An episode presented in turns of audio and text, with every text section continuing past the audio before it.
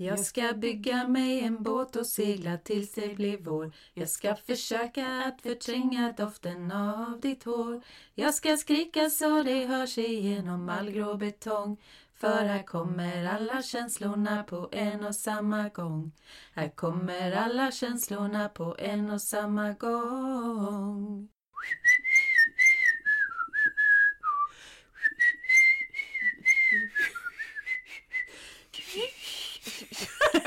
Det går inte. Här kommer alla känslorna på en och samma gång. Dun, dun. Hallå! Välkomna tillbaka till ett nytt avsnitt av På djupet med systrarna HSP. Ja, välkomna! Kul att ni lyssnar. Mm. Kul att få spela in podd igen och i en ny studio. Mm. Eller hur? Berätta var vi sitter. Nu sitter vi i eh, sovrummet, i vårt sovrum på gården, Ja. där vi precis har flyttat in. Och nu är ni ju precis i sluttampen idag med att lämna över ert gamla hus. Så att eh, det är mycket, mycket som pågår just nu. Eh, olika saker som ska flyttas och avslutas och det ena med det tredje. Och ett tips som jag kan ge till alla er där ute är flytta inte. Nej. För fy fasen vad jobbigt det är. Ja. ja Alltså man, man tror att... I början så tänker man så här. Nej men det är väl bara att flytta lite grejer. Det är väl inte så... Det tar väl inte så lång tid och Vi har så. redan flyttat massa lådor, det är nog inte så mycket kvar.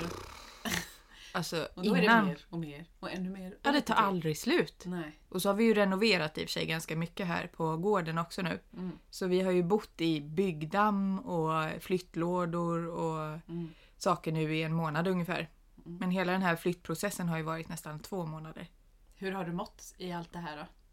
Din, din egna fysiska och psykiska hälsa, hur påverkar det dig? Ja, men det har väl gått ganska upp och ner. Är otroligt tacksam faktiskt för, för att jag ändå har lärt mig att ta hand om mig själv lite, även i tuffa perioder. Att du prioriterar pauser och sånt, även när det egentligen är mycket att göra. Ja. Mm. För det är ju så, till och med på flyttdagen när vi hade som mest att göra, när vi hade massa folk här.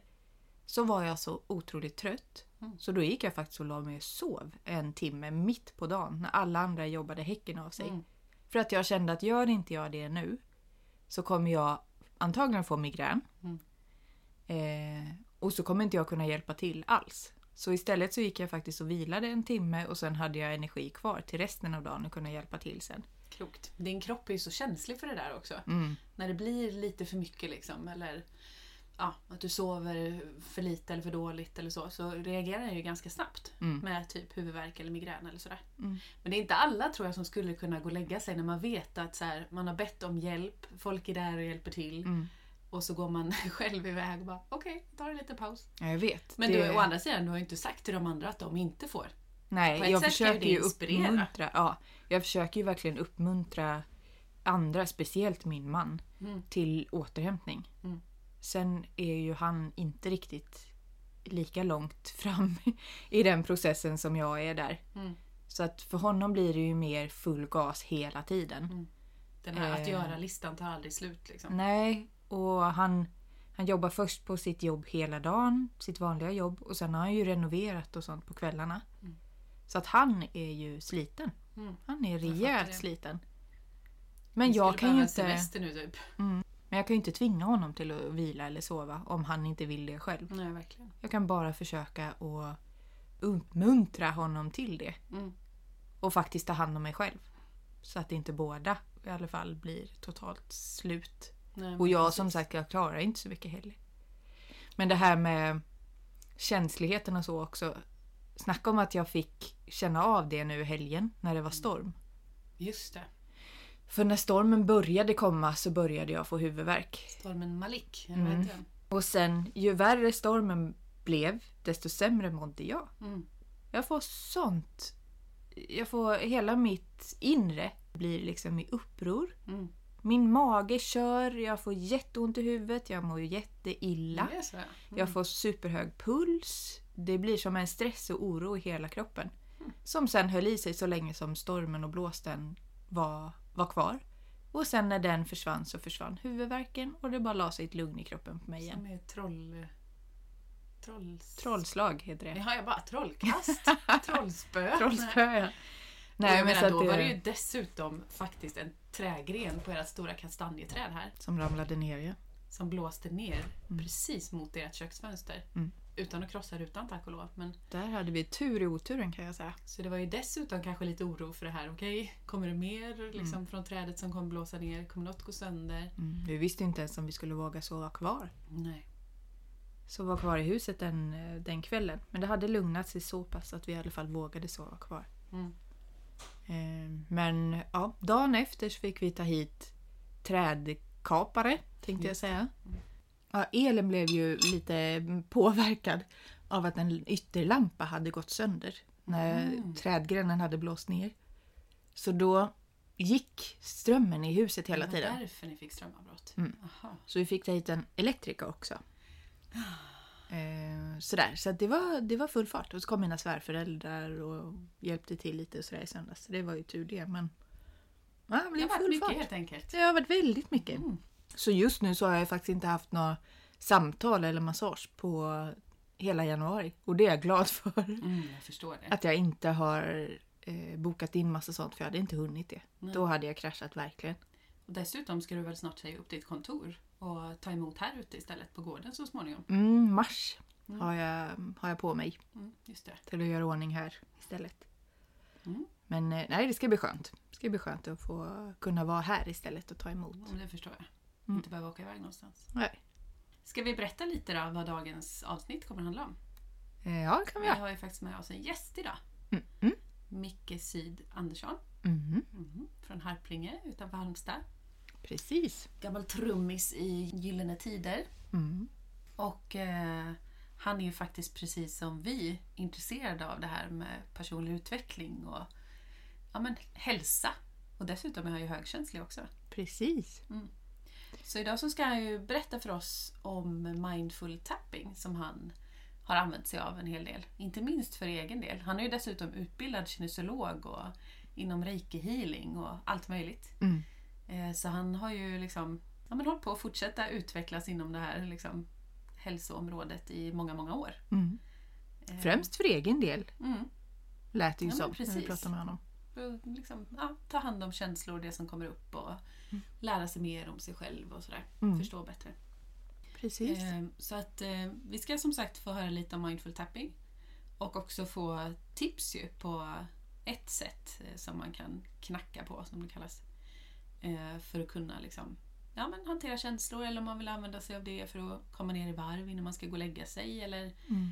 för att få mer fokus innan man ska ja, hålla ett föredrag eller vad det nu kan vara. Det handlar ju egentligen om att lugna nervsystemet. Mm. Så, så. Att- Ja, det var spännande. Jag är nyfiken på att lära mig mer om det. Ja, men eller hur? Som sagt. Ja.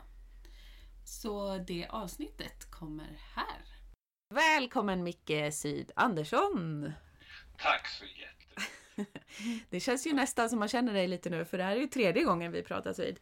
Men nu är det ju Ja, inspelning vi på är nästan riktigt. som kompisar nu. Ja, jag menar det. Och vi har aldrig träffats live heller. Nej, exakt. Nej. Senast vi pratades vid var du ju i Spanien men nu är du tillbaka hemma i Sverige igen. Sen igår. Det är jag. Ja. Jag hoppar emellan. Ja, precis. Jag har blivit en, en eh, äldre man som inte gillar vinter så att då får man åka till där det är varmare. Ja, det Det gör du rätt tag. i. Ja, det är jätteskönt. Ja, ni hade köpt något litet hus i någon liten eh, bergsby. Det är, som en, det är ju som en trevåningslägenhet. Eh, I en by eh, vid ska- spanska solkusten som enligt EU, vill jag säga, har det bästa klimatet i Europa. Just Där, det. exakt där vi bor. Det är det de säljer in det på. Just det. Jag tycker vi ska bli ännu bättre kompisar för då kan vi få följa med dig dit. Karo hatar också den svenska vintern nämligen. Vi har, vi, har en, vi har en lägenhet i botten, alltså en fri studiolägenhet i botten på huset så att eh, sköt det är coolt. Ja, Åh. exakt. Exakt! Det låter bra Vi ska göra vårt bästa. Ja, men precis. Ja, nej, men så jag har varit där lite och, och lite så. så att vi testar och byta. Det är kul att testa och varken jag eller min fru gillar att resa långt och sådär. Och jag har hållit på och rest hela mitt liv. Jag gillar inte att packa väskor så nu praktiserar vi att ta handbagage och så finns allt där. Så ser vi hur det är. Gud vad skönt. Bättre att prova nu innan man blir för gammal. Faktiskt. Det är kul eller? Du gillar inte heller att packa väskor alltså? Jag hatar också det. Ja, nej. Och jag packar liksom jag packar hur mycket som helst dessutom. Jag med. Jag med. Jag också. Jag kan inte välja vad som är viktigt. packar ingenting och bara tittar på mig och bara suckar och säger jag packar liksom som någon tjej som ska på en weekend i New York typ. Ja, jag packar. Det är helt sjukt. Jag är usel på att packa. För visst är det så att du också är högkänslig? Ja, jag Benämner du sen det, det, det är faktiskt ingenting. Alltså, jag har ju aldrig tänkt på det.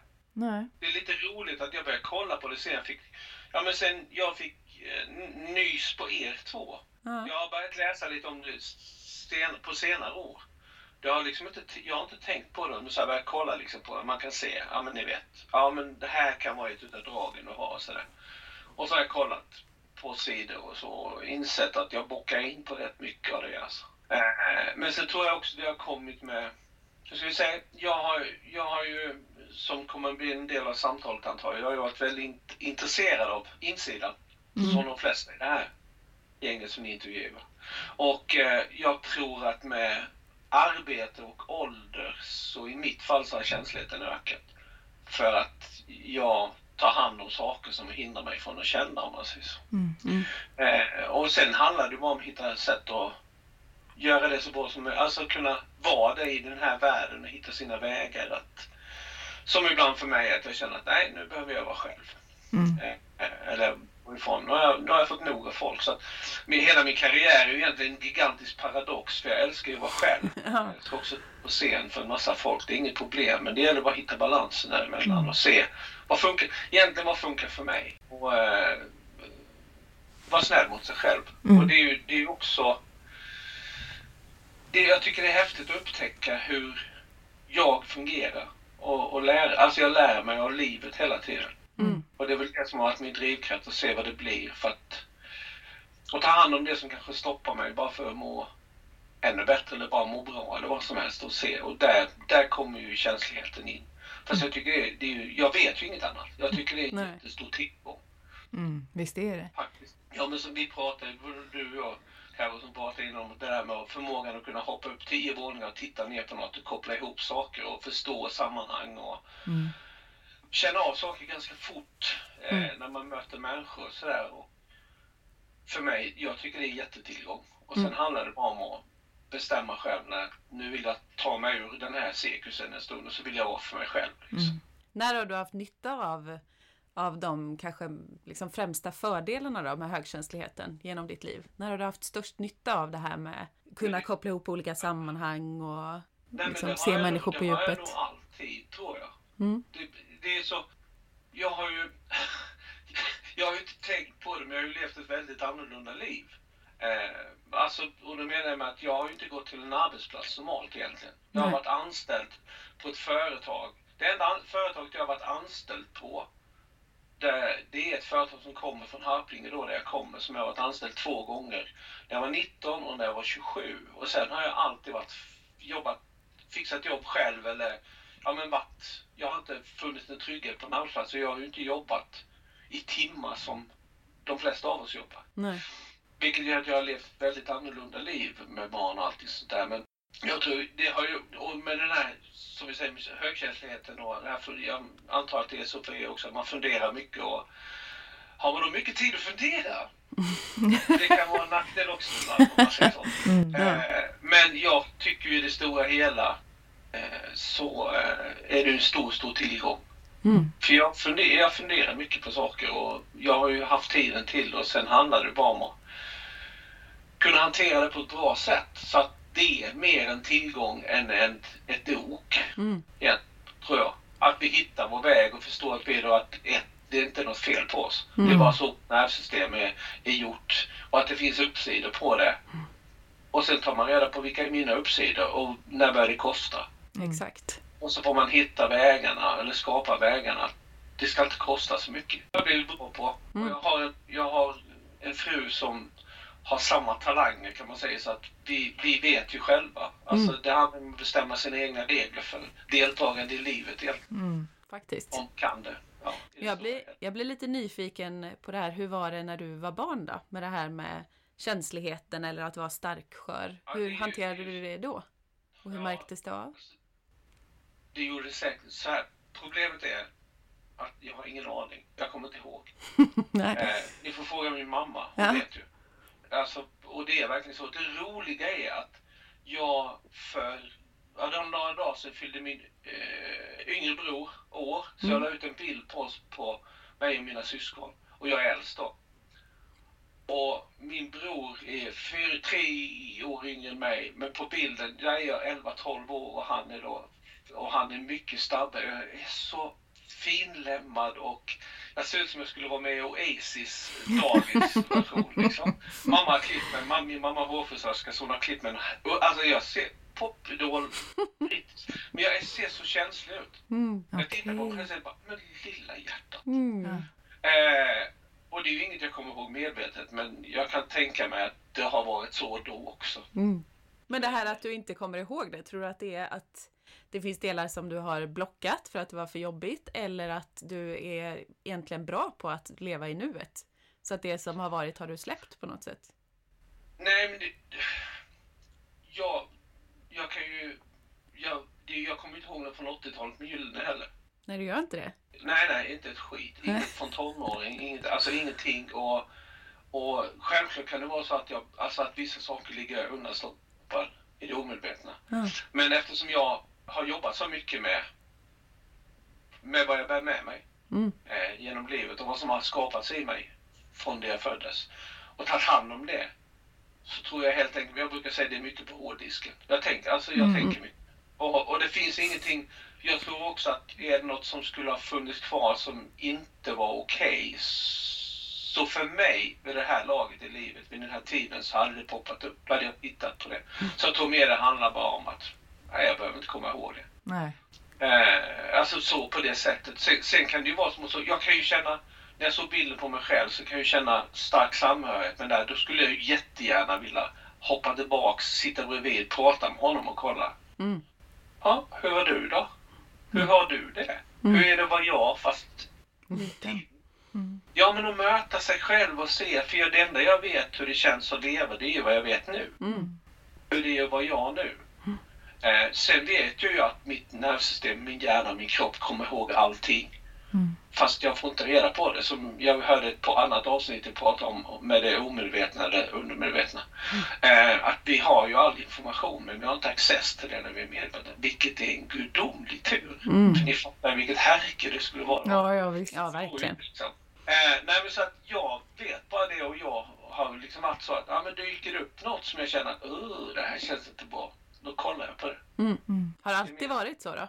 Eller har du tidigare i livet haft andra sätt att hantera dina känslor och så?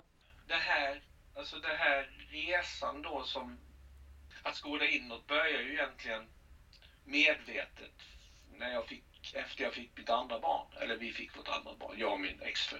Mm. Eh, för att livet helt enkelt, det vet ni hur det är livet ibland. Ibland serverar livet en möjlighet och sen är det upp till dig om du ser den eller om du bara lallar vidare Mm. för att göra något annat.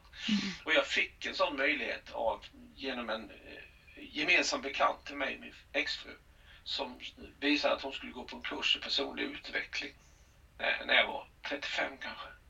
Eh, med frigörande andning och lite sköna grejer och jag bara tittade på den här foldern och bara, ah, det ska jag också. Jag hade ingen aning om vad jag tackade ja till. Men jag kände bara, jag ska gå det här. Och så gjorde jag det.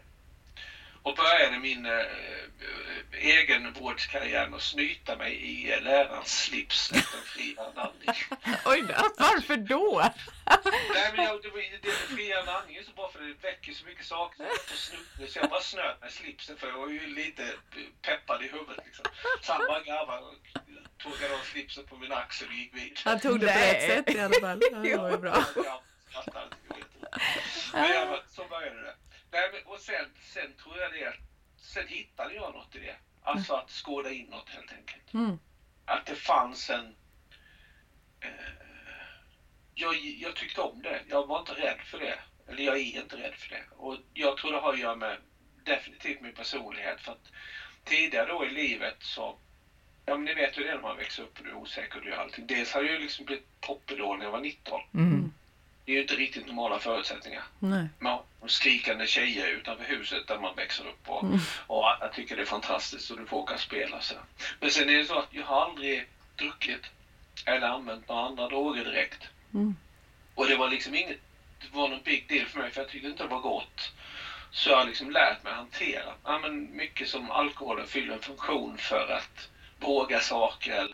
När du inte mår bra så tar du till det för att ta dig någon annanstans en stund. Så jag har liksom fått lära mig att göra det själv på olika sätt. Mm. Att ta hand om det, att inte ko- undkomma livet när livet inte är så roligt. Så jag tror det började där att jag hade liksom ingen option direkt. Det var inget, det smakade inte gott och sen när jag då gick den här kursen så bara shit, det här var intressant. Och sen efter det gick jag utbildade mig till kinesolog. Eh, Efter Gyllene Tiders första återföreningsturné 1996 då kom jag i kontakt med en kinesolog som hjälpte mig med ett problem med armbågen när jag spelar trummor. Och då förklarade han hur kinesologer jobbar. Och kinesologer, väldigt enkelt förklarat, frågar egentligen kroppen vad är grunden till ditt problem? Mm. Är det näring, är det känslor, är det vad det? Så svarar kroppen att ja, det är det här och du behöver göra det i den här ordningen. Och, och så ger du kroppen vad den behöver så förhoppningsvis så blir det av med ditt problem. Så jag bara shit, det här är ju skithäftigt. Så jag gick den utbildningen och skilde mig samtidigt, eller när jag var klar. Eh, och, och sen har jag fortsatt med kurser med reiki och massa kurser av alla de olika slag. Och det har varit som en slags... Ja, men det är ju, jag sa att jag gillar inte att resa, men jag gillar att resa i mig själv. Mm. Det tycker jag är kul. Och har gjort fortsatt. Alltså genom alla år. Liksom sådär när, när det har dykt upp något som jag känner att det säger tingeling. För det vet ni själva, det finns ju hur mycket saker som helst. Mm. Och vissa kurser jag har gått på så har jag bara känt, ja men det här sög ju. Det här var bra. Ja. Så tar jag det. Så har jag hållit på så. Eh, för mitt, alltså egentligen för mitt eget hög, eller höga nöjes men också för att eh, få hjälp med det som händer mig. För saker skiftar genom livet och du blir förälder och då händer det saker i ditt föräldraskap och, som kommer ifrån vad du har varit med om. Och, så tittar du på det om du vill. För det är ju också det, det vet ju ni med. Vi kan ju också strunta i att kolla. Mm, absolut. Jag vill eller vi vågar inte. För mig har det varit tvärtom. Att jag har snarare kollat för hur kan jag gå in i det här? Alltså hur kan jag testa det här? Mm. Jag bara, oh, det här var konstigt, det vill jag prova. För jag vet ju inte annars. Men jag måste bara fråga. Eh, det kan ju vara ganska många människor som är skeptiska till såna här lite mer alternativa saker eller eh, sånt som inte erbjuds inom sjukvården till exempel och sådär. Mm. Är det många som har haft åsikter och sådär och hur har du tacklat det? Jag vet inte hur det var er när ni började hitta hem med det här men första kurserna man går då är det ju Jesus kommer liksom. Då vill man ju eh, rädda hela världen. Mm. Och du har varit på en kurs och du är en... Ja, men jag vet att ni håller kursen. Ni vet ju vilken speciell stämning du Hanna skapar på kursen och allting är möjligt och ni vet, hela den känslan. Mm. Och sen kommer man hem till en värld som inte har den känslan. Mm. Det behöver man lära sig hantera. Mm. Det, det är en utmaning för att det är ju så. Bara för att jag vill behöver inte andra vilja. Nej. Men det är också det, jag har ju inte... Jag har ju aldrig pratat om de här grejerna speciellt mycket förrän senare år. När jag hittat, när jag hittat mina pusselbitar för att jag känner att men nu kan jag samtala för jag har ju aldrig pratat om det utåt. För jag har inte haft något behov, för jag har inte gjort det för att tala om det för människor, jag har gjort det för min egen skull. Mm. Eh, och i det tror jag också mycket har varit att nej men det är, det är min resa och jag att jag berättar det för någon betyder ju egentligen ingenting mer än att jag kanske får en styrkekramis eller så får jag något annat. Mm, ja, det, gör ingen skillnad, det gör ingen skillnad i mitt inre. Nej. Nej. Det spelar ingen roll hur många styrkekramisar jag får för att det är absolut ingen skillnad med det jag jobbar Nej. med. Eller hur det är omkring och gå omkring och vara jag. Mm. Det hjälper en stund. Mm. Och där kan man ju se, bara reflektion, sociala medier, hur lätt det är att ha det som... Och det är inget fel, jag säger inte det, men jag säger bara att det jag har lärt mig det är att, att ta hand om det som finns i oss, det är bara jag som kan göra det. Det är Mm. mitt, det är mitt ansvar, men det är min möjlighet. Mm. Eller hur? Och det är där det ligger. Och sen vill jag berätta för dem, för det, det roliga är också att, och det här tror jag verkligen, och jag praktiserar det själv, att om du vill göra skillnad för människor, då behöver ju du vara skillnaden själv. Och om jag är helt säker på att mitt, med jobbet ni har gjort med er själva, när ni träffar människor som ni kanske inte har träffat på länge så kommer de att märka att någonting har hänt med er. Mm. Det är mitt kvitto på att shit, fan det funkar en gång till. Ja. Ni fattar? Ja. Och då är ju känslan bara, jag behöver inte betala, jag har inget, alltså jag behöver inte betala, tala om det för folk utan jag gör jobbet och är det någon som frågar och jag märker att de är intresserade, då kan jag berätta. Mm. För att annars bränner du massa energi på att försöka övertyga människor som inte vill och det finns ingen. Exakt. Det, är inte, det är inte deras tid, det är inte deras plats. Nej. Nej. Nej, men Eh, precis. Och det är precis som jag var uppmärksam på den första kursen där så gäller det att vara uppmärksam. När kommer det någon som jag kan visa något för? När jag har visat det, vilket händer ganska ofta, så kanske jag visar någonting med eh, hur man kan ta hand om stress och hur man kan lugna och så kan jag visa det mitt ibland folk liksom och de bara okej, vad händer nu? Ja, det här hände. Varsågod, du kan läsa vidare här. Tack, och sen går jag vidare. Mm. För att det är inte min boll att plocka. Det hade varit en jättestor läxa för mig att bara släppa det då. Mm. Får jag en möjlighet att berätta och göra skillnad så gör jag vad jag kan och sen är det inte mitt att ta längre. Nej, för det är ju som man säger det här att man kan leda en häst till vatten men man kan inte tvinga den att dricka. Även om man ser att en person skulle verkligen må bra av någonting så kanske den inte är redo. Nej. Och då... Nej, det är inte upp till oss att ta det beslutet. Nej. Men det kan ju vara möjligt och det är ju så, det, och det, är ju så att det som jag är intresserad av, som ni är intresserade av, är ju egentligen den största utmaningen vi har i livet. Det vi bär med oss. Mm. För att vi ska hantera det hela är det enda vi inte kan springa ifrån. Mm. Vi kan, vi kan byta plats och vi kan byta partner, vi kan köpa saker och vi kan dricka grejer och vi kan knarka grejer och vi kan göra massa grejer. Men det vi bär på kommer vi aldrig ifrån. Mm. Alltså, då, får vi, då har vi möjligheten att titta på det och hitta sätt att titta på det som känns bra för oss. Mm. Som passar med din personlighet, som passar med det du tror på. Om det är mindfulness eller yoga som ni gillar eller de sätten som, som klickar för er. Mm. Då är det ju gott så. Mm. För, det, enda, för det, det jag ser och som har varit en drivkraft, speciellt nu, som vi kanske pratar mer om sen, sen alltså hela vetenskapliga modellen som då det här konceptet som heter mindful tapping som jag då tycker om att jobba med. När jag fick det till mig och förstå att shit, vänta nu. För i vårt samhälle pratar vi mycket om träning och kost vilket, och sömn och allt det här. Det är ju otroligt viktigt.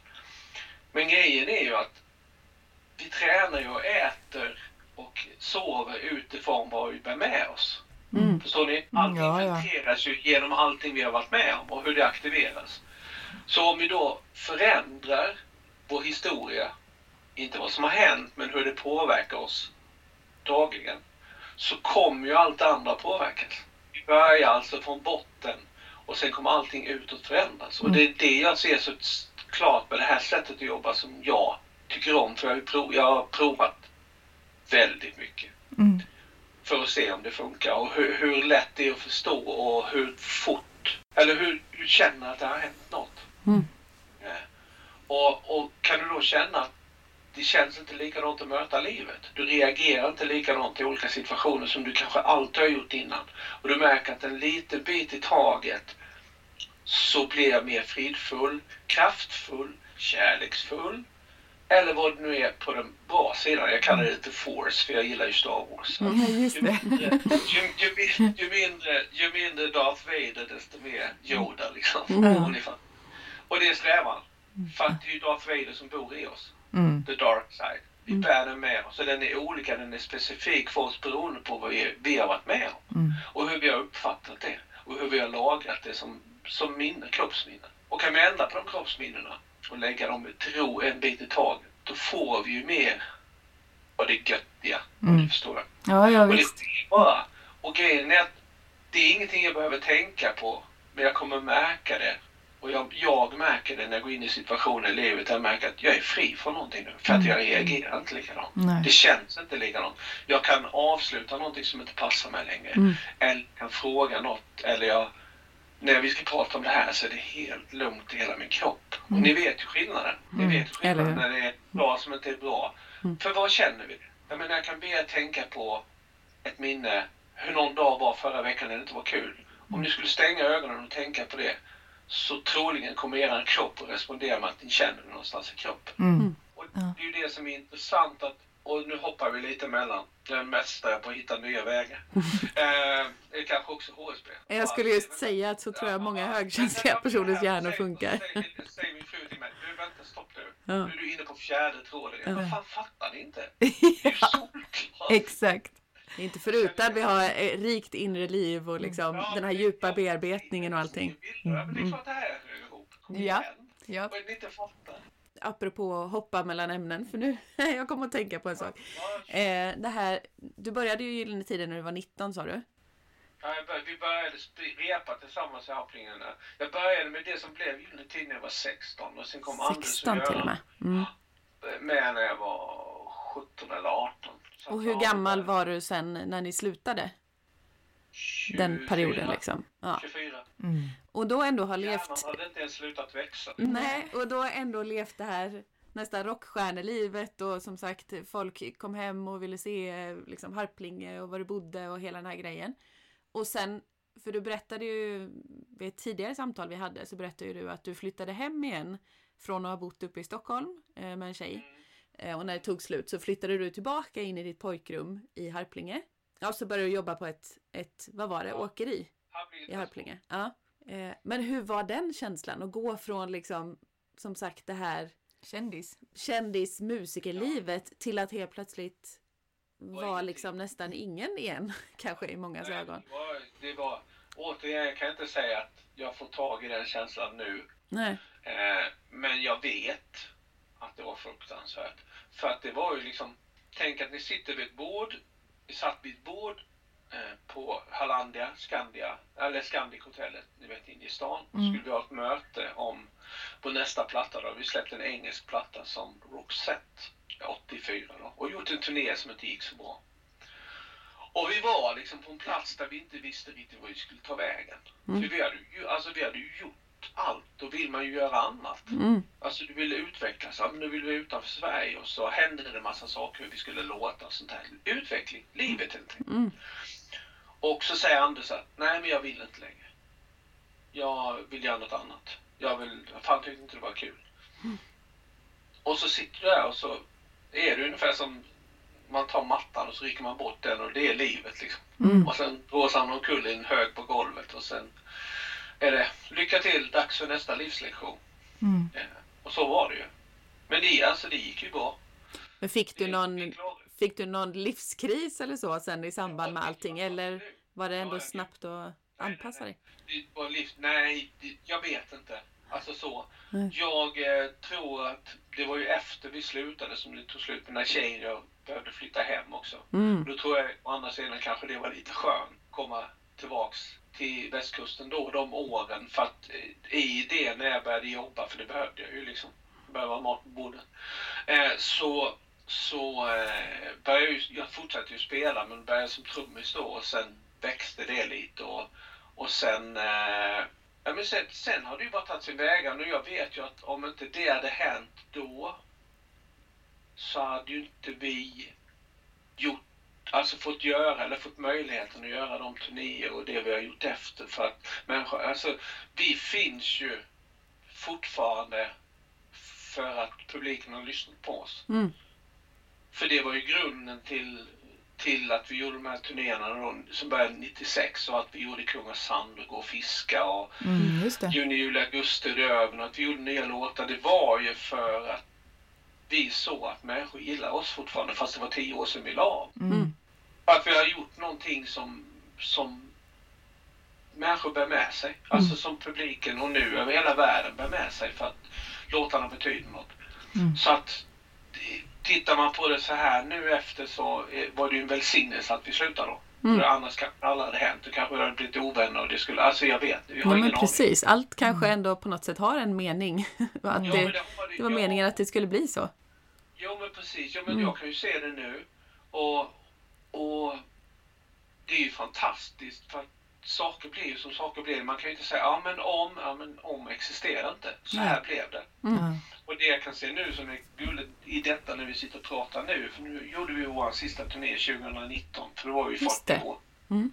Eh, men nu bara i förra sommaren då så fick vi kontakt med ett eh, produktionsbolag som som fi- det har vi pratat om, men som gör en film om oss. Om Just de här det. åren vi pratar Ja. Så att helt plötsligt så serverar livet bara att nej men nu ska vi göra det här ser ni. Ja. Och vi bara va? Ja. Och de har jättepepp, järnkoll och Mm. har involverat de människor som var med och bland annat min första flickvän som har varit Häftigt. jättedel. Hon kommer ihåg. Och mamma kommer ihåg. Ja, tur det. När du har glömt saker då kan du fråga dem. Ja, Vi sitter alla fem och snackar och kommer ihåg med andra så vi rökte allihop. Ja. Eh, och så, och så nej men liksom, hon som skriver manus var ett jättestort Gyllene-fan. Så hon skriver om sina egna tonår. Häftigt. Så att det är ju, och då är det som att vi finns med Mm. fastän vi har liksom, hur ska man säga, det är som ett livslångt äktenskap med alla som lyssnar på oss. Mm. De är liksom villkorslöst för att vi levererar och, och så har vi spelat och så har folk uppskattat det och Mm. jag vet inte, ja det är ju fantastiskt. Men det är ju häftigt just med Gyllene Tider. Jag kan ju typ alla låtar tror jag. Ja, Alltså, och jag tror att de flesta kan det. alltså Jo, just för att det, de är så både lätta och härliga på något sätt. Man får så Mycket goda känslor till. Ni får ju precis, och det är ju det som är magiskt med musik och det är därför jag tycker det är så kul när jag har en förklaringsmodell till varför det blir som det blir. Varför vissa Mm. grejer är, är the dark side eller vi är the force. Liksom för att ni har, dels kanske det har hänt saker när låtarna var med. Alltså, Mm, ja, ja, visst. Mm. Ja, visst. Så då glömmer man ju aldrig det. Nej. Att Nej, man kopplar ju verkligen det till minnen. med låten så Mm. väller allting upp. Då är det verkligen, där kommer alla känslorna på en och samma gång. Ja, verkligen. Eh, och, och få ha det som sitt signum Mm. är ju ganska bra. Det får Ja, man säga. jag, säger, jag säger det nu, jag är ute och sjunger våra låtar i olika konstellationer och har gjort eh, i många, många år. Mm, mm. Eh, för att jag tycker det är roligt. Jag har ju spelat trummor så många år så kommer jag på att det är mycket bättre att stå och sjunga. Det behöver jag inte Ja, bära. du är sångare också ja. Jag blev så, Ja, jag, sjunger. jag har alltid sjungit. ja, jag blev så osäker på om du hade sjungit också eller om det bara var spelade trummor. Mm. Nej, men så du gör ju det. Alltså i, i alla möjliga olika sammanhang och har Mhm. gjort i massa, massa år. Mm. Och det är ju så roligt för då får ju jag möta folk Mm. på de premisserna. Och Mm, stå längst fram och se det. vad som händer med människor. Så jag säger jag är handelsresande i glädje. Ja. Men du, vilken är din egna personliga favorit av alla Gyllenes låtar? Vilken är roligast att Nej, spela finns- eller vilken? Det är, så, må- alltså det är flera. Mm. Jag lyssnar ju inte på det. Jag lyssnade på sista plattan när vi hade spelat in den för att Mm. den var väldigt speciell. Eh, och så. Men det är ingenting jag lyssnar på för att det är som att det behövs en publik till för att det ska bli riktigt bra. Mm. Det är inget jag lyssnar på. Det är då man jag- kopplar det till känslor. Ja, men det, det är det jag bär med mig av det. Möten Mm. med folk. Eh, att vi får göra det här tillsammans. Förstår Jag det. förstår det. Det är det, det, är det någonstans alltihop handlar om. Liksom, att, att ha någon att spela för. Det är ju så det har varit hela tiden. Men vi spelade ju för... När vi repade på 80-talet då stod ju dagis eller förskolebarnen låg och lyssnade genom golvet. Liksom. Vi hade ju, I huset där vi repade i Happinge var det ju förskola. Det är ju så roligt för att jag bor ju inte i Happinge men jag kommer ju hem ofta och då är det ju många vuxna som kommer fram till mig och berättar att de låg och lyssnade. Vad Fick- Och så fick, häftigt. ibland fick de komma ner så släppte vi igenom så de fick kolla på grejerna. Liksom. Då kom de här, Åh. ni vet, eh, bävernylon-människorna. Ja men gud vad det. häftigt. Så det är ju mycket, det är mycket vuxna människor som liksom, ja men ni vet så. Och Ja. de, det, det är ju roligt. Mm. Alltså alla de där, jag personligen älskar ju de där sakerna. Ja men som ni säger att ni har lyssnat på det. Mm. För det är ju, för mig, är det ju att eh, du har gjort något bra. Mm. Förstår att ni är stolta över det, för det ska Mm. ni verkligen vara. Ja, men det är vi ju. Och, Mm. och det, är ju det är ju liksom... Det är kul också att sätta, sätta sig upp, ja, men som oss tre som kommer från Harplinge. Liksom. Mm.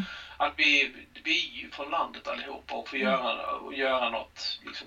Det är där vi hör hemma. Så, Mm. så det är massa sådana grejer och det, det, blir, det blir ju mer som när man blir äldre kan jag säga. Förstår Alltså det. den stolthet att känna, det blir lite, det händer ju bara, du summerar saker och säger shit fan det här blir rätt bra liksom. Ja. Och att det är fortfarande roligt. Det är Jag det bästa. förstår. För jag menar, många, jag vet ju inte men det är svårt att byta bort det bästa jobbet när det är kul att gå till jobbet varje gång. Ja. Och du får applåder. Mm. Eller hur? Ja. Det är inte alla som har det så alla på sin arbetsplats. ja, men precis. Alla borde få det. riktigt. Tror du att ni kommer göra någon mer eh, turné någon gång? Eller har ni liksom sagt att det var den sista som var det, det här 2019? sista. Alltså Mm. teoretiskt sett skulle vi kunna spela när som helst. Mm. För, för målet med att det var sista var ju för att livet händer så fort. Mm. Och jag har sett så många konstellationer av människor där det har försvunnit någon. För att det är vi fem som, Mm. som eh, är det här. Vi kan inte byta ut någon. Och Nej. det var ju det som var grejen när vi slutade på 80-talet. Att vi snackade om att ta in en annan basist. Men så Mm. gjorde vi inte det som tur var. För att det är personligheterna som har skapat det här soundet som är vi. Mm. Alltså våra personligheter som spelar på ett instrument. Just vi fem. Mm. Det, det blir inte så annars. Nej.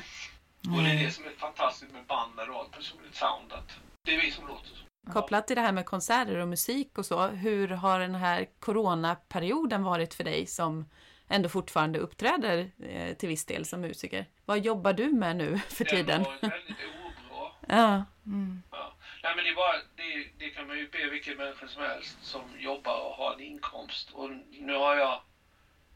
Jag jobbar ju med annat, jag kör lite lastbil fortfarande. Mm. Eh, men det är ju faktiskt så här att det är ju lite svårt när du är en stor yrkesgrupp som, där många lever hand och mun.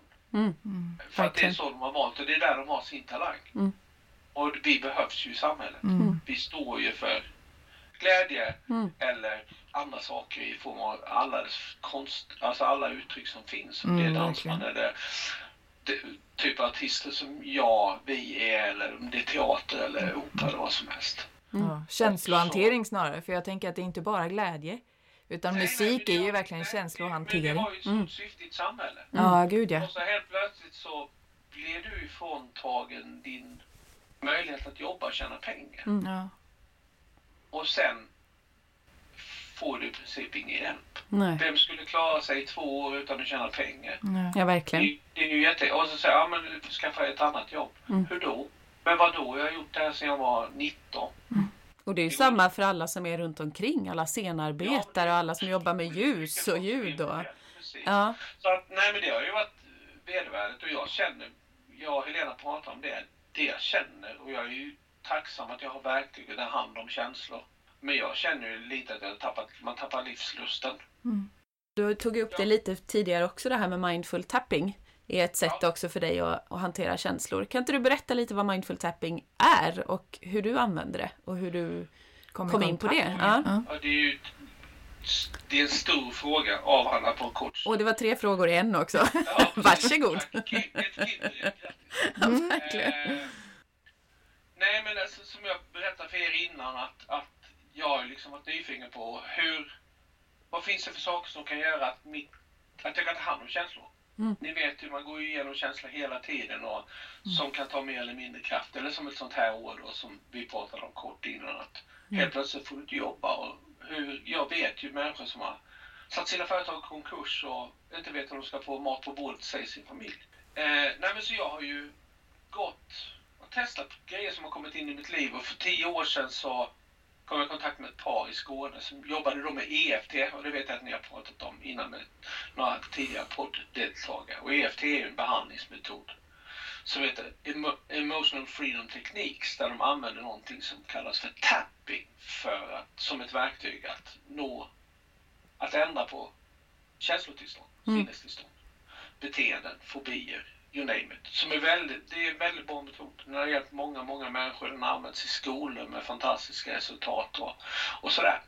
Så jag gick, gick den utbildningen för dem. Eh, och sen det här paret då som är forskare fast inom, de från läkemedelsindustrin och växtindustrin, så att ja, vi når inte riktigt så djupt som vi vill. Alltså vi känner att det finns, för det involverar, det involverar prat i behandlingen. Och eh, då såg de att baserat på forskning som finns, ny forskning, då, att samtalet, pratet egentligen inte är med när det händer jobbiga grejer. Alltså när vi lagar, när minnen skapas så är inte pratet med.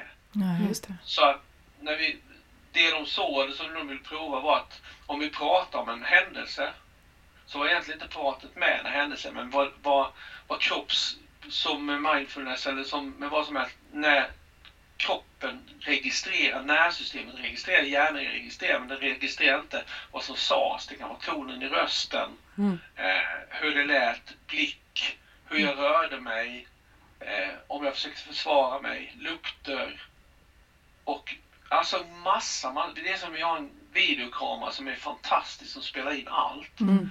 Och sen beroende på hur starkt den här händelsen är så kan vi lagra den i kroppen som minnen och det här startar ju redan när vi blir till. Så de tog den här forskningen. Det finns en massa forskning men då är det ju ofta så, det vet ju ni också, att en människa blir väldigt bra på en sak och sen Ja, det här ser vi. Det här kan vi visa på nu. Ja, fantastiskt. Fast det finns egentligen ingen... Ja, vi ser att vi bär livet med oss. Ja, men hur förändrar vi det? Ja, men det är inte mitt område. Nej, just det. Så plockar de massa kunskap som de såg. Ja, men det här är ju viktigt för här förklarar det mer om hur vi bär livet med oss. På riktigt. Och hur det uttrycker sig i oss. Mm. I form av känslotillstånd, tryck över bröstet, ångest. Alla de här sakerna som mm. bara finns där helt naturligt. Som vi inte tänker på för att det, mm. det är så det är, så här är det. Men då gick de, letade de ju bakom och kunde förklara det här. Det här är fysiologi och det här är biologi och det här är neurobiologi. Så de satte ihop ett koncept som då blev, kallas mindful tapping där de använder tappingen då som är ett verktyg för att lugna nervsystemet och hjärnan. Mm. När vi är i kontakt med något som är jobbigt. Till exempel om vi bara tog en stund nu, vilket vi inte gör för det tar en stund och det blir helt tyst och det är dålig podd. Då skulle jag kunna be er tänka på något som stressar er. Mm. Eh, och sen skulle, skulle ni bara stänga ögonen som när ni testar mindfulness. Mm. Och sen känner ni efter hur känns det i mig när jag är i kontakt med det här som jag tänkte på. Eller den bilden jag såg. Eller det. Och så knackar vi. Vilket gör att det lugnar nervsystemet och då händer saker som vi känner i kroppen. Mm. Och det kan hända olika saker beroende på vem vi är och allting sånt där. Det är en mm. längre konversation. Mm. Men, men när man märkte då att okej, okay, om vi tar kontakt med någonting som är jobbigt och så använder vi tapping eller något av de andra verktygen för att helt enkelt, hur ska man säga, lägga det till ro, att, att, att liksom balansera det. Mm. För det är ju en obalans på ett sätt. Mm. Men om du då lägger det till ro så blir det som det blir balans. Det blir, det blir lagom och det känner vi i oss. När jag fattade det också att vi lagar liksom bra minnen och vi lagar eller, och händelser och vi lagar jobbiga händelser. De bra händelser, men som betyder hej hej, det är ju inget problem i livet. Mm. Men om det hände någonting när jag lyssnade på Som hej som inte var bra, alltså det hände mig någonting som jag bär med mig. Mm. Då är det ju en bra grej att kunna ta hand om det som bor i mig. För att som vi sa med det omedvetna, eller det undermedvetna, det har ju liksom våra berättelser med sig. Så när det händer saker i vårt liv, inuti oss eller utanför oss, och det går ju så snabbt, det vet ju ni också, vi hinner inte reagera. Vi tänker att nästa gång ska jag tänka på ett annat sätt. Men du, du säger att man knackar på olika punkter och knacka det betyder att man pickar nästan ja, med ett eller två fingrar va? Jo men precis. Vad det handlar om egentligen till skillnad från EFT där du pratar om någonting eller har setups. Alltså att, vad det handlar om egentligen så här så är det ju att, att till exempel varje dag om man vill. För jag, jag vet att ni, ni mediterar ju säkert håller på mycket med mindfulness. Och har det varit väldigt mycket en dag så kanske det är svårt att kunna sätta sig ner och vara med sig själv bara. För mm. det, det bara brusar i huvudet och i kroppen och allting. Mm alla ni som lyssnar kan göra ett litet enkelt test. Nu vet inte jag, ni får lägga ut en film på punkterna ner på fingrarna. Mm. Vi, har ju, vi, har ju då, vi har ju ett akupunktursystem. Det finns det punkter. Mm. Och det har visat sig, och då har det funnits olika förklaringsmodeller, men den förklaringsmodellen som jag tycker funkar bäst, eller som passar mig, eller som de använder då inom mindful tapping, det är ju att, att beröra eller knacka på akupunkturpunkter, bland annat på fingrarna, vis, har visat sig genom forskning att det skickar lugnande signaler till nervsystemet och till hjärnan. Mm, vilket vi känner. Och när du skickar lugnande signaler samtidigt som du är i kontakt med något som är jobbigt så blir det instant, det blir lite som yellow och till slut så kollapsar det. Mm, okay. Så att en enk, ett enkelt litet trick att göra för sin egen skull, bara för att känna efter hur det känns, det är ju att till exempel när dagen är slut eller det har hänt någonting eller ni vet, vi bär på någonting som inte är behagligt. Att sätta sig ner för sig själv i fem minuter, knacka på sina fingrar och jag kan försöka förklara det så att folk förstår. Om ni, ni som lyssnar då, om ni tar er hand och så lägger ni tummen mot hjärtat och håller den uppe vid hjärtat. Så i varje, i, i, i, band, i nagelbandet mot hjärtat på varje finger, alltså precis på nagelbandet mot nageln, i, i sarghörnet om man säger så, där det svänger mm. eh, mot det, mot hjärtat. Då knackar ni bara några gånger på varje, på varje skulle man ha bara tummen mot hjärtat eller alla fingrar? Ja, det är bara för att du ska veta vilken sida du ska knacka på. Sen kan du lägga den i knät. Jaha, okej. Okay. Ja, precis. Så att om ni lägger, då vet ni att det, den biten av nagelbandet, i det hörnet, i den böjen, då knackar ni på nagelbandet där på varje finger. Och så kan ni lägga ner den i knät så ni har det bekvämt. Och sen kan ni bara knacka fyra, fem, sex gånger på varje finger och så hela vägen ner till lillfingret. När ni kommer till lillfingret så tar ni på sidan av handflatan, karatepunkten där Bruce Lee och de här karatehjältarna slås över tegelstenar. Mm, Knackar ni fem, sex gånger där. Och sen tar ni upp på ovansidan av handen. Ovanför fingrarna, mellan lillfingret och ringfingret, ovanför där på handflatan, så känner ni mellan benen, så är det som en dalgång. Mm. Där knackar ni också. Är det mer effektivt att knacka så här än att liksom trycka så här? Man, man tar det som man känner, alltså så Ja. här är det. Alla saker, det vet ju själva, man tar det som känns bäst för en. Min Mm. mamma gillar att trycka till exempel. Mm. Men knacka, och knacka behöver inte vara liksom, nu ska jag vara duktig och knacka, utan var, det här är ett verktyg. Mm. Upplevelsen är grejen. Det här hjälper till att förändra. Och den här typen av knackning som du visade nu då, det kan man använda då till exempel om... Använd till vad som helst. Alltså grejen är så här, det vet ni också. Prova. Mm. Märker ni någonting så är det bra och märker ni ingenting, fortsätt lite till det så. Mm. Gör som ni vill. Jag vet bara att det fungerar Mm. och det har hjälpt människor på det mest fantastiska sätt. Mm. Eh, och det handlar egentligen bara om vad med det som är i dig. Mm.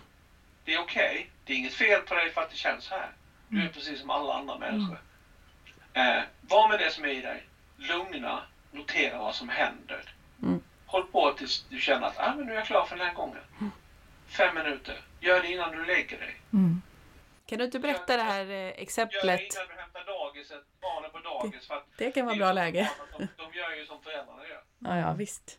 Ja. Kan du inte berätta om det här exemplet med hon eh, skoleleven i aulan där som du hjälpte? Ja.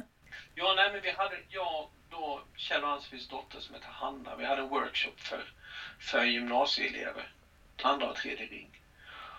Och eh, då så, eh, så, när vi var klara, då var vi som en liten aula i skolan. Så kommer det fram en ung tjej och berättar för mig att hon har fått ett panikångestanfall när vi sitter här. För vi har suttit och jobbat lite och då har hon fått kontakt med någonting som hade hänt henne ett och ett halvt år tidigare. Så hon kunde inte gå ut ur rummet. Så hon frågade om jag ville jobba lite med henne och se om vi kunde få det att bli bättre. Och då satte vi oss i ett hörn och de gick och flyttade möbler i rummet så det lät ju en del så att jag tänkte att ja, ja, vi provar. Mm. Det, det, vi ser vad som händer. Och då, som jag sa innan så, hon berättade inte vad som hade hänt för mig. Men hon hade en klar bild för sitt inre och jag behöver inte veta vad som har hänt. Det är det som är grejen. Det är det som är en av de bra sakerna med när saker stressar oss så är det svårare att prata om det. Mm. När saker inte stressar oss så är det inga problem att prata om det och det har visat sig gång på gång på gång. Mm. Och det är det, en av de sakerna jag tycker är så bra med det här sättet att jobba med det vi känner i kroppen. Att när vi inte stressar är det inga problem att prata. När vi stressar så är det jobbigt att prata. Mm. Och då räcker det att vi är med. Så hon var med det och jag guidar henne. Vi har lite olika verktyg för att se vad det tar vägen och hur mycket det känns och sådär. Så att jag skötte knackningarna på hennes fingrar. För jag använder tapping för det är det lättaste sättet att Mm. komma in från om du har gjort det. Och eh, så var hon med det som hade hänt henne, vad det nu var. Och jag ser, det som är så fantastiskt är att vi ser när människor är stressade. Vi, vi HSP, vi ser ju det ganska fort också. Mm. Eh, vi har en grymt bra radar för att notera sånt. Och jag såg ju att liksom luften pös ur henne. Mm. Så att hon bara slappnade av mer och mer och mer. Och till slut, efter 20 minuter så, så eh, kände hon bara att äh, men det är lugnt nu. Jag kan gå nu. Det, jag får inte ta minnet är borta. Mm. Och jag fick en kram, hon log och gick och sov för första natten vad jag hörde på ett och ett halvt år. Så häftigt ju. Ja, och då är ju grejen att det är en liten bit av hennes liv. Mm. Det är en händelse. Som kanske hade flera aspekter men det var den som serverades just då. Mm. Och det är det jag tycker om med det här sättet att eftersom vi har händelserna med oss, om vi hittar ett sätt som är som känns okej att vara med och vi kan förändra det i oss. Då känns det ju lite tryggt. Jag upplever att jag har varit med så många gånger med människor som får kontakt med något och så jobbar man med dem. Mm. När de öppnar ögonen. Jag vet ni sa i det här avsnittet när ni hade fått en behandling av en kinesolog att ni fick en helt euforisk känsla. Den känslan. Mm. För det är ju att någonting har lagts till ro i oss. Mm. Alltså en historia, något minne vi bär på har lagts till ro i oss. Och det tror jag hela strävan är, att hitta sätt att kunna ge människor sätt som vi kan lägga obehagliga minnen till ro. Mm. Så att de inte Verkligen. påverkar oss. För att de påverkar oss för evig tid så länge vi inte tar hand om dem. Mm. Sen måste vi hitta vårt sätt att göra det på. Det jag tycker om med det här sättet är att vem som helst kan lära sig det här om de vill. Och vi kan hjälpa varandra. För att jag tror att, och det ser vi som ett resultat av den här pandemin också, att psykiska ohälsan har ökat. Den här kostnaden för det har vi inte ens sett än. Nej, här världen. Vilket jag tycker är det värsta utav alltihop. Mm. Men då är det ju också att då behöver vi kunna hjälpa varandra att ta hand om det här. Och jag ser att det finns verktyg och metoder, förklaringsmodeller som det jag jobbar med. Mm. Som jag tycker som passar mig men som jag ser också, det här har en potential att vem som helst kan lära sig. Om så bara sitta med den och knacka på fingrarna och vara med det vi känner Mm. kan göra en mental skillnad i våra liv. Och jag har ju sett och jag vet det för egen del. Sen min utmaning då är, tillsammans med de som har lärt sig det här som ser möjligheten är, är att kunna berätta om det så att folk vågar prova. För det är ju fortfarande så att det vi vill med oss som inte är behagligt kanske vi, helst, vi vill helst slippa få kontakt med Mm, det. Fast vi vet inget sätt där det känns mindre. Nej. Vet du då ett sätt där det finns potential att få det kännas mindre så måste du fortfarande få folk att prova. För att jag kan ju prata med er i tre dagar Mm. om det här. Men om ni känner att det lugnar sig, då betyder det ingenting. Nej. För vi kommer aldrig kunna snacka så vi, så vi förstår hur det känns i oss. Så att det här sättet att jobba då, där tapping då används som ett verktyg för att balansera upp, där det finns flera andra verktyg, Mm. är ju liksom ett sätt att förändra hur mitt liv känns för mig. Mm. Och ju mer fred jag har i mig, för vi pratar ju alltid om eh, att vi vill ha fred i världen. Och för mig när jag fick kontakt med kunskapen framförallt, verktygen är skitbra, men kunskap, att förstå, Mm. har det därför det här händer mig? Mm. Okej. Det är ju att om vi ska göra någonting som är viktigt så är det att skapa fred i oss själva. Mm. För det är ju vårt eget krig och det uttrycker sig på helt Oh, ja. olika sätt. Mm. Eh, när vi, vi bär på oss själva kan vi förändra det. Mm. Då har vi möjlighet att förändra världen också. Mm. Ja, just det. Du sa att du jobbar med mindful, eller mindful tapping, till exempel med föreläsningar.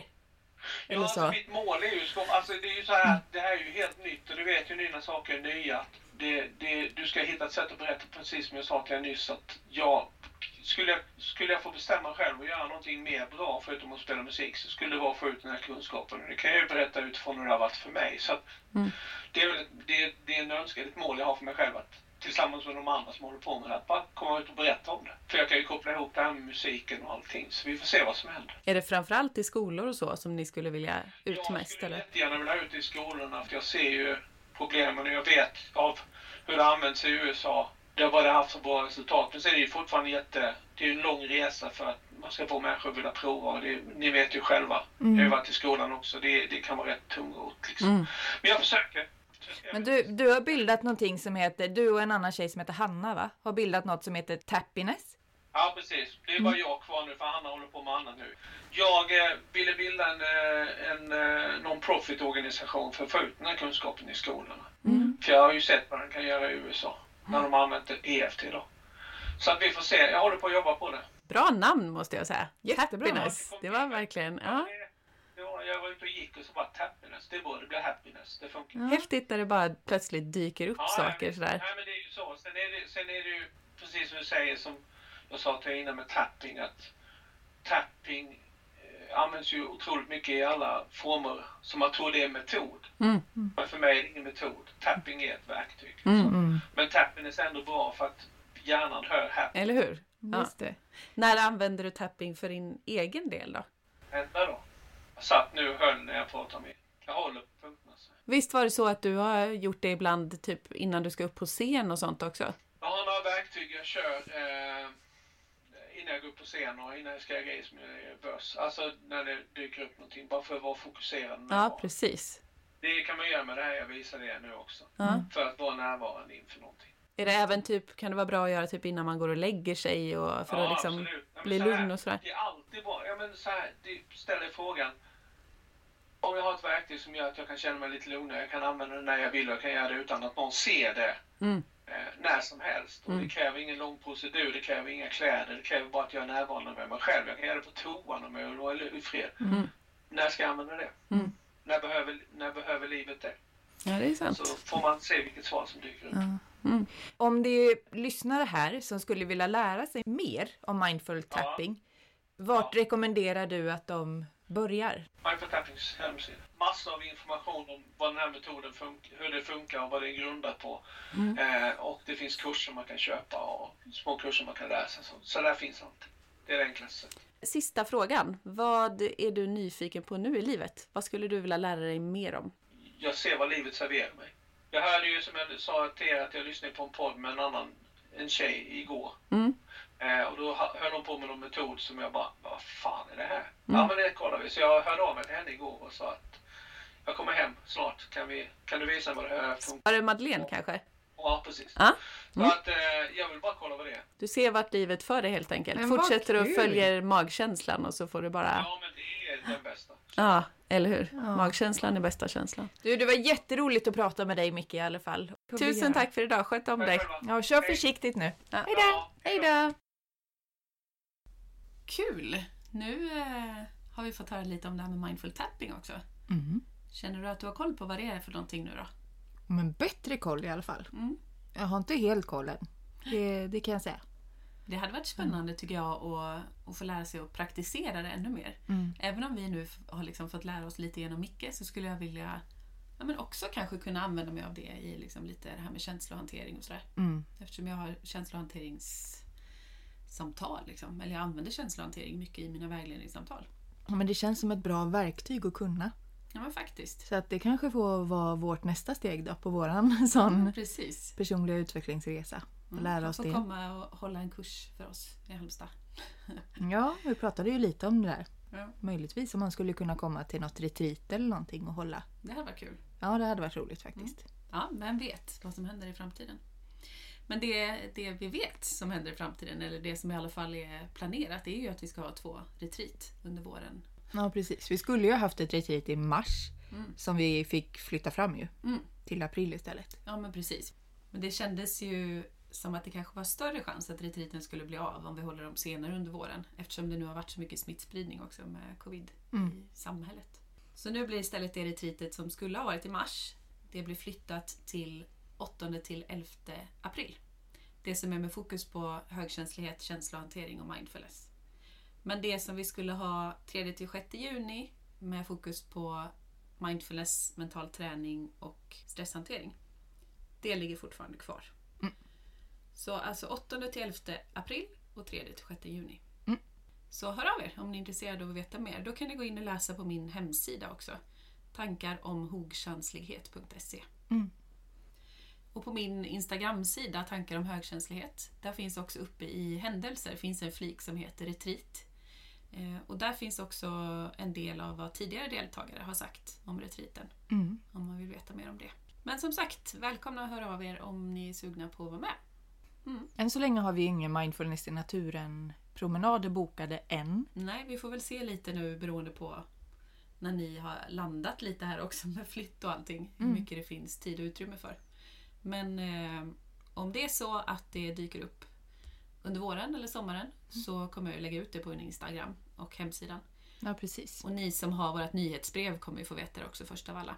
Exakt. Och vill man ha nyhetsbrevet så kan man mejla till mig, Josefine at tankaromhogkänslighet.se Mm. och skriva. Så skriver vi upp er på mejllistan och så får man som sagt alla nyheter om, om aktuella aktiviteter och Mm. sånt som vi fixar. Eh, Då får man de nyheterna först av alla. Mm.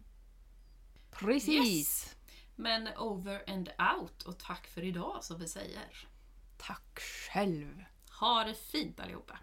Hej hej!